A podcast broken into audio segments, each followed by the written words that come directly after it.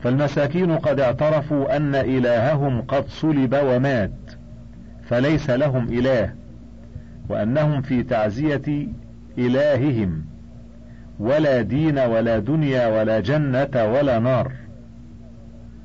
والمسلمون يقولون إن الله سبحانه حي عالم قادر مريد سميع بصير وأنه لا يموت وأن عيسى ابن مريم صادق. وعبد الله أمين بعثه الله عز وجل إلى الناس رسولا فبلغ الرسالة ثم رفعه الله إليه يعني إلى محل كرامته ومنزلته وأنه كان يتدين بالطهارة ويغتسل من الجنابة ويوجب غسل الحائض. ولا خلاف عند النصارى أنه ليس بواجب عندهم ولا أصول لهم ولا فروع. وقالوا يجوز أن يصلي وهو غير متطهر وجنب. والجنابة والبول والغائط لا يقطع الصلاة بلا خلاف. وللمصلي أن يبول وأن يتغوط وأن يجامع. ولا يقطع الصلاة. ويقرؤون في صلاتهم كلاما كالنوح والأغاني وضعه بعضهم لهم ويصلون إلى المشرق وما صلى المسيح إلى أن توفاه الله إلا إلى المغرب. وبيت المقدس وما صام صوم الحسوم وصوم العذارى ولا اتخذ الأحد عيدا ولا بنى بيعة قط ولا أكل خنزيرا قط بل حرمه ولعن آكله. وقال جئتكم لأعمل بالتوراة وبوصايا الأنبياء قبلي وما جئت ناقضا بل متمما وكان أصحابه كذلك إلى أن خرج من الدنيا. فأما النصارى فضلوا وأضلوا وكفروا وغيروا وبدلوا. لعنهم الله. وللروم والنصارى دخن وبخورات يسمونها دخنة. بخور مريم. وما عرفته مريم قط ساعة ولا المسيح. والروم كانت تعظم الأصنام قبل ذلك وتصورها في الهياكل فبقيت على ذلك بعد إضافتها إلى المسيح. فصوروا المسيح وأمه عوضا عن الأصنام وكانوا يستبيحون الزنا وبقوا على ذلك إلى اليوم. وفي بلادهم يقولون المرأة إذا لم يكن لها زوج وآثرت الزنا لها ذلك فإنها أملك بنفسها. والملك يستعد ذلك ويقيم لهم الحكام. فكل إنزالة تكون من الرجل بفلس واحد إلى أربعة أفلس. ويقع الخلاف بين الزواني فيجيئون إلى الحكام فتقول هذا وطأني كذا وكذا مرة وما أعطاني شيئا فخذ لي حقي منه. فربما يقول أنا فقير ما معي شيء. فيقول القاضي المشؤوم تصدقي عليه. فإنه فقير يكون لك ثوابه عند المسيح. والحرة تزف إلى زوجها راكبة مكشوفة الوجه. والرأس. ومن جاء من الزناة بولد حملته إلى البيعة وسلمته البطرك والقس وتقول وهبت هذا للمسيح ليكون له خادما. فيجزونها خيرا بيا قدسية يا مباركة هنيئا لك من المسيح وثوابه. فإن كان هذا دينا لهم فأين الإلحاد والزندقة؟ وإن كانت شريعة فأين الكفر؟ ثم إن هؤلاء الحمير يدعون أنهم أهل كتاب ورسول وشرع وكل عاقل يعلم بطلان هذا المذهب ويتبرأ من هذه المقالة. ومن فضائح الروم والإفرنج أن النساء الديرانيات العابدات المنقطعات إلى البيع يقمن على الرهبان والغرباء ليزنوا بهن ابتغاء وجه الله وابتغاء الدار الآخرة وللرحمة بالغرباء والعزاب. ومن فضائحهم ألا تغطي المرأة وجهها البتة وتقول لست ببخيلة كالمسلمين. ومن فضائحهم خصاء الأطفال والخصي كالذبح للكسب والفوز والشح والبخل وهم مع خصب بلادهم يشحون بأموالهم ويرتفقون بأصدقاء نسائهم ويبخلون بالمال ويجودون بالعيال. انظروا يا معشر المسلمين إلى هذا الخزي والنكال. فإن قالوا هذا مبتدع في النصرانية كما ابتدع في الإسلام وفي الإسلام بدع ومنكرات فالجواب من قديم يرفقون. فإن الروم قبل التنصر كانت تأكل الخنزير وتستعمل الخصي وتقتل ولما تنصرت دامت على ذلك. فمتى كان هذا الابتداع يا ضلال؟ فبان كذبهم لعنهم الله وأخزاهم في الدارين. الباب الرابع في شبههم الأولى. قالوا اتصل الفيض الإلهي ذات الباري بذات عيسى فصار لاهوتيا. والجواب هذا الفيض لما اتصل به انفصل عن ذات الباري أم لا؟ فإن قالوا انفصل عن ذات الباري فهو باطل لأنه يؤدي إلى تغيير القديم وخلوه عن صفته وأيضا يؤدي إلى جواز انتقال معنى من محل إلى محل آخر وهذا محال. وإن قالوا هذا الفيض ما انفصل عن ذات الباري واتصل بذات عيسى ويعنون به العلم. قلنا هذا أمحل المحال؟ كيف يكون المعنى قائما في محل وحكمه وأثره في محل آخر؟ وقيام صفة واحدة في محلين مستحيل. فإن قالوا يجوز أن يتصل المعنى بذات عيسى من غير أن ينفصل عن ذات الباري كنور الشمس وشعاعه يتصل بالعالم وهو غير منفصل عنه. الجواب هذا باطل. فإن النور القائم بجرم الشمس يستحيل أن يتصل بنا. ولكن الله أجرى العادة بخلق النور والشعاع في أجزاء العالم عند طلوع الشمس. فهو سبب وعادة. فافهم. شبهة أخرى. قالوا إنما قلنا إنه إله لأنه ظهر على يديه أفعال عظيمة كخرق العادات ونقض المألوفات من إبراء الأكمه والأبرص وإحياء الموتى والإخبار عن الغيب. ولم يجر هذه الأفعال على يد غيره من الأنبياء فبهذه الأفعال عرفنا أنه إله وأن فيه جزءا لاهوتيا الجواب إذا قلنا هذه شبهة مشتركة الدلالة يلزمكم أن تقولوا إن الأنبياء كلهم أرباب وآلهة لأنه ظهر على أيديهم أفعال عظيمة.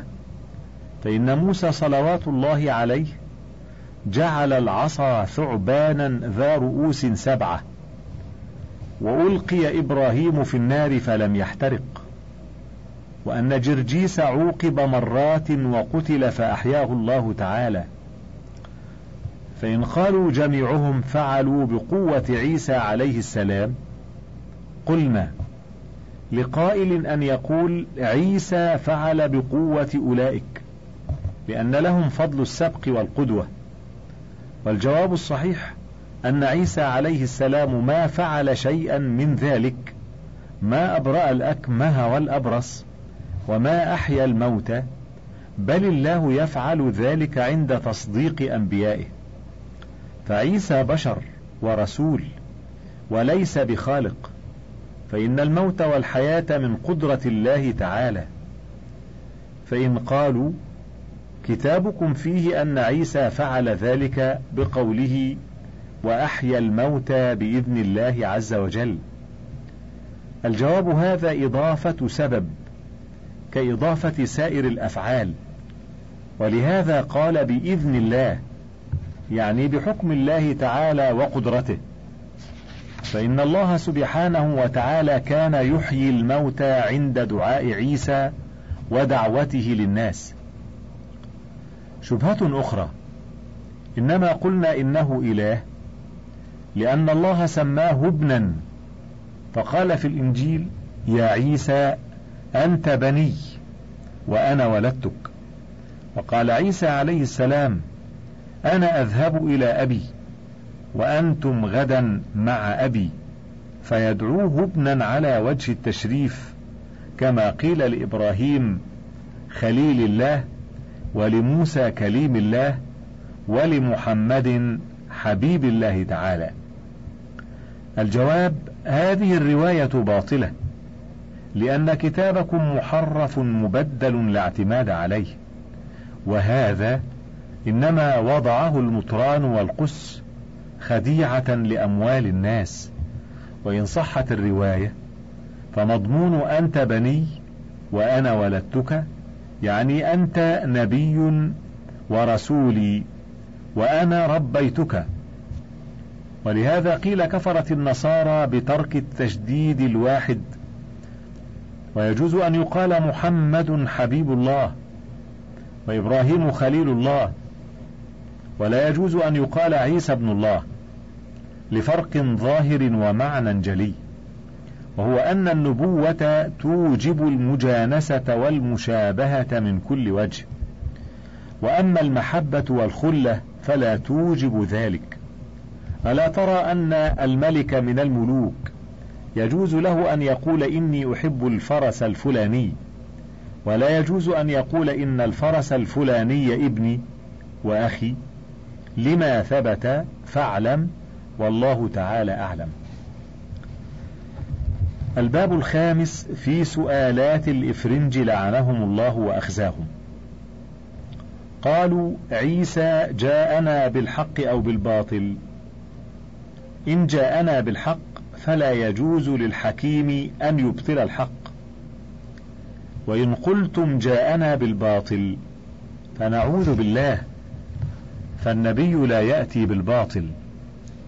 الجواب يقلب عليكم فنقول موسى جاءنا بالحق أم بالباطل؟ لا شك أنه جاء بالحق.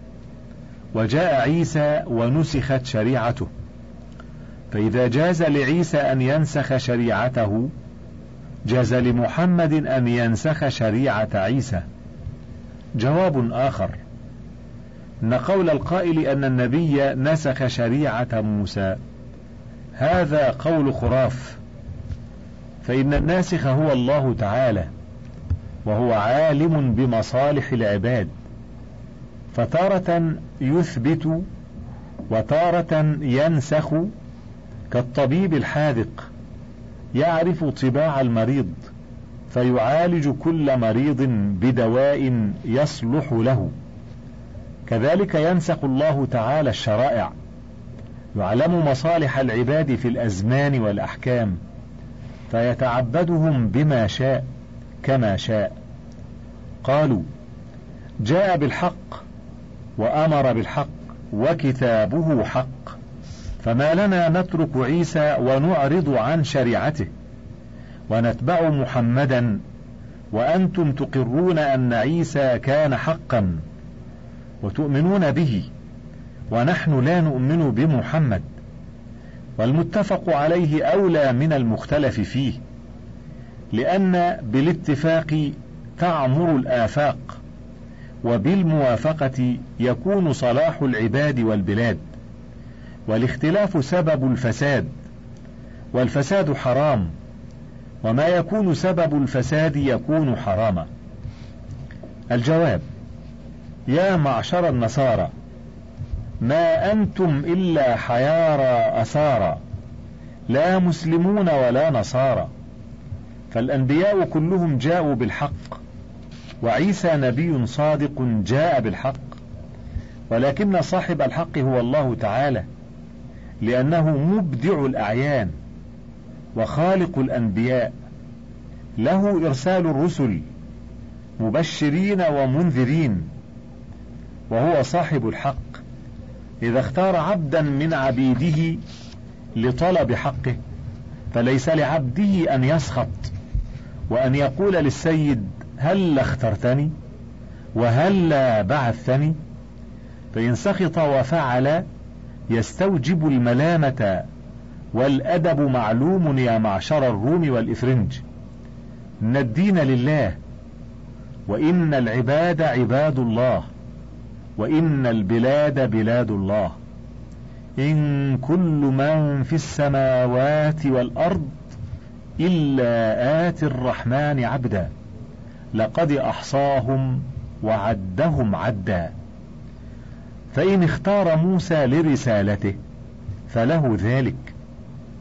ثم اختار عيسى فقد فعل صوابه. ثم اختار محمدا فقد فعل حقا وعيسى عليه السلام قد رضي بذلك وأقر به. وقال إني عبد الله آتاني الكتاب وجعلني نبيا. فمن أنتم يا كلاب النار؟ وشر العبيد وأصحاب النار حتى لا ترضون بذلك. وهل مثلكم إلا كما قيل رضي الخصمان وأبى القاضي؟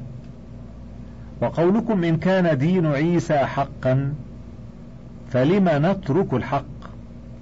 فنقول يا حمير ودين موسى كان حقا وقد دعاهم عيسى إلى شريعته. وهل لا تركهم على شريعة موسى؟ اخسأوا يا معاشر الحمير وكيف تجيبون ولا جواب لكم البتة؟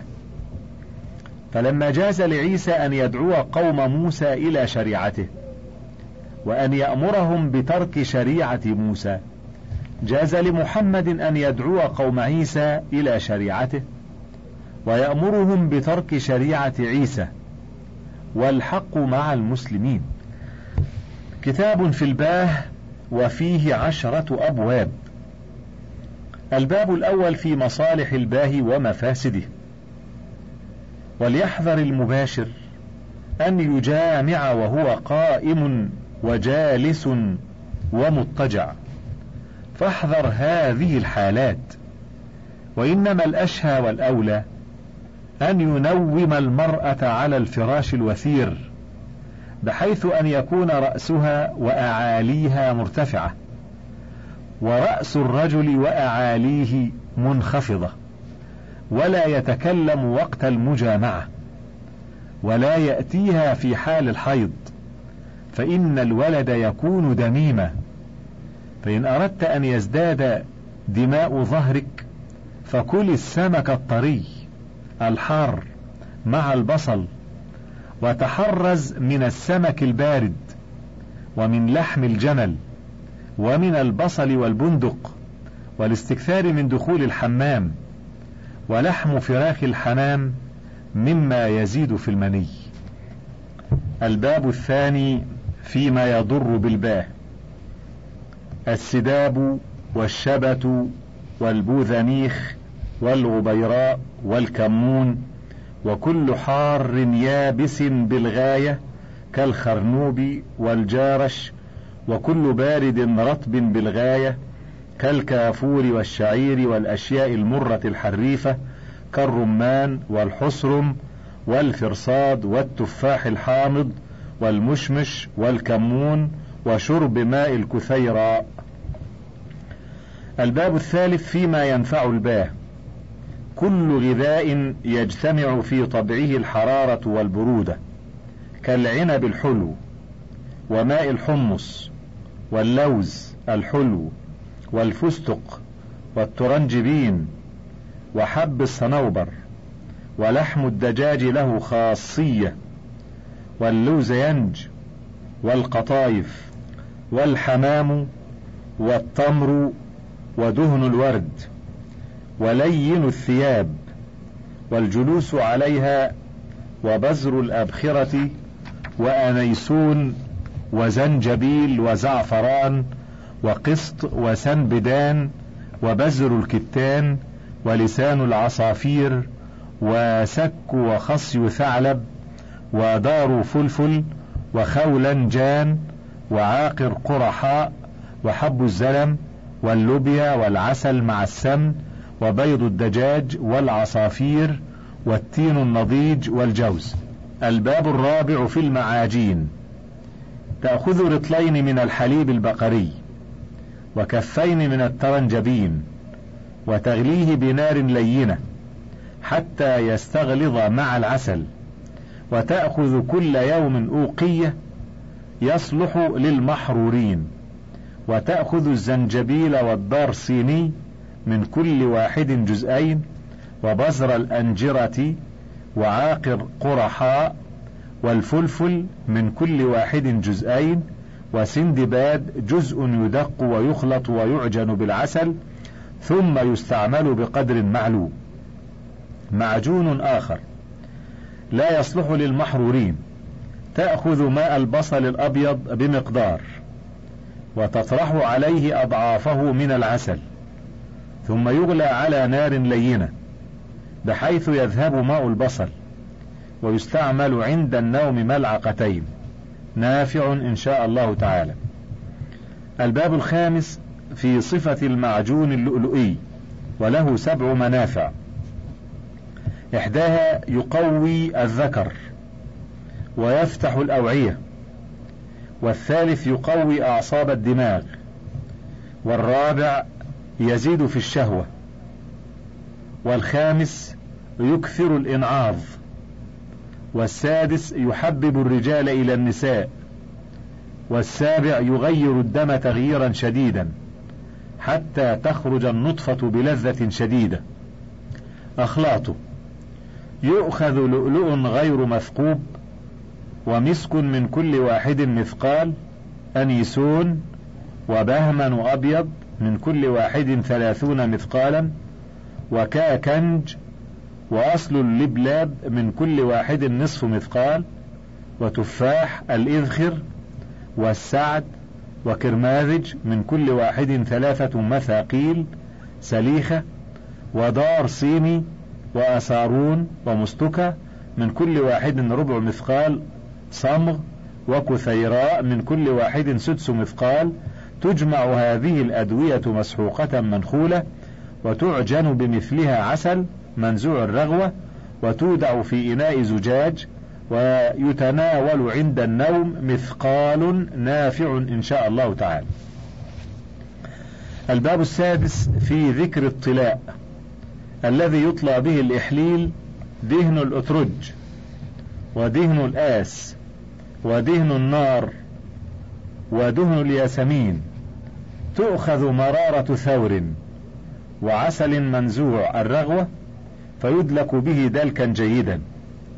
يؤخذ بورق ويدق وينعم سحقه ويضيفه بعسل ويطلى به القضيب والعانة فإنه ينعظ حتى يضجر منه.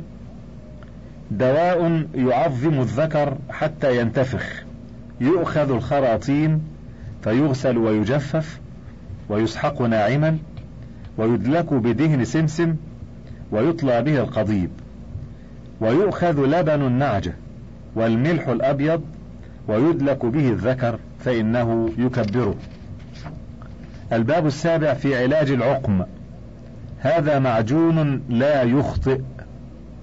يؤخذ بهم أحمر وكثيراء وسقنقور ومرارة الثور ودنج من كل واحد مثقالان ومسك وخولنجان مثقال ولؤلؤ غير مثقوب وخردل أبيض من كل واحد مثقال. يجمع ويسحق ويعجن بالعسل المنزوع الرغوة ويستعمل ثلاثة أيام متوالية في كل غداة مثقال حتى يصفى المني من العكر. ويجامع في اليوم الرابع فإنه يولد له إن شاء الله تعالى. الباب الثامن في الآفات اللاحقة للإنسان عند الجماع. وذلك خمسة أحدها الفزع والثاني الحياء. والثالث البلغم اللزج المجتمع لأنه إذا حميت أعضاء الجماع وكدت الحاجة انصب ذلك البلغم عليها فأطفأها وأطفأ حدتها.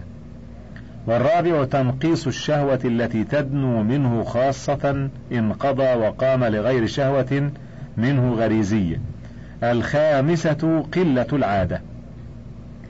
الباب التاسع في قطع شهوة الجماع. يؤخذ البوذينج والسداب والكمون والسعد والجنار من كل واحد وزن درهمين ويدق ويتناول كل غداة وعشية قدرا من هذا فإنه يبرد شهوة الجماع ويميتها. وقيل تصوح من الكافور يميت الشهوة سنة. ومن الأطباء من قال إن الدودة التي في أصل شجرة المشمش من يتناولها قبل أن يأكل شيئا فإنه يذهب شهوة الجماع والله تعالى أعلم. الباب العاشر في الأدوية المكثرة للمني. يؤخذ من لحم جمل فتي جزءان، ومن البصل جزء، ويصب عليه الآفاويه، ويطرح عليه عود ودار صيني، ويغمر حتى يتهرى، ويدمن أكله فإنه نافع. نوع آخر يجعل في بيض السمك عجة بصفرة البياض ويكثر توابله ويؤكل. نوع آخر يعصر البصل الأبيض ويطبخ جزء منه مع جزئين من عسل بنار لينة إلى أن يذهب ماء البصل ويأخذ منه ملعقتين عند النوم. نوع آخر. يؤخذ من عصير البصل جزء ومن لبن البقر جزءان حليب وفانيد. يطبخ الجميع ويخلط ويشرب منه أوقية. هذا أكثر توليد للمني. نوع آخر ينقع الحمص الكبار في ماء الجرجير الرطب بقدر قليل. لا يحتاج أن يصب عنه حتى يربو ثم يجفف في الظل ويعجن بدهن الحبة الخضراء والفانيد مثله. تم كتاب الخواص بعون الله تعالى. وبهذا القدر من المادة الإضافية ينتهي التسجيل على هذا الشريط.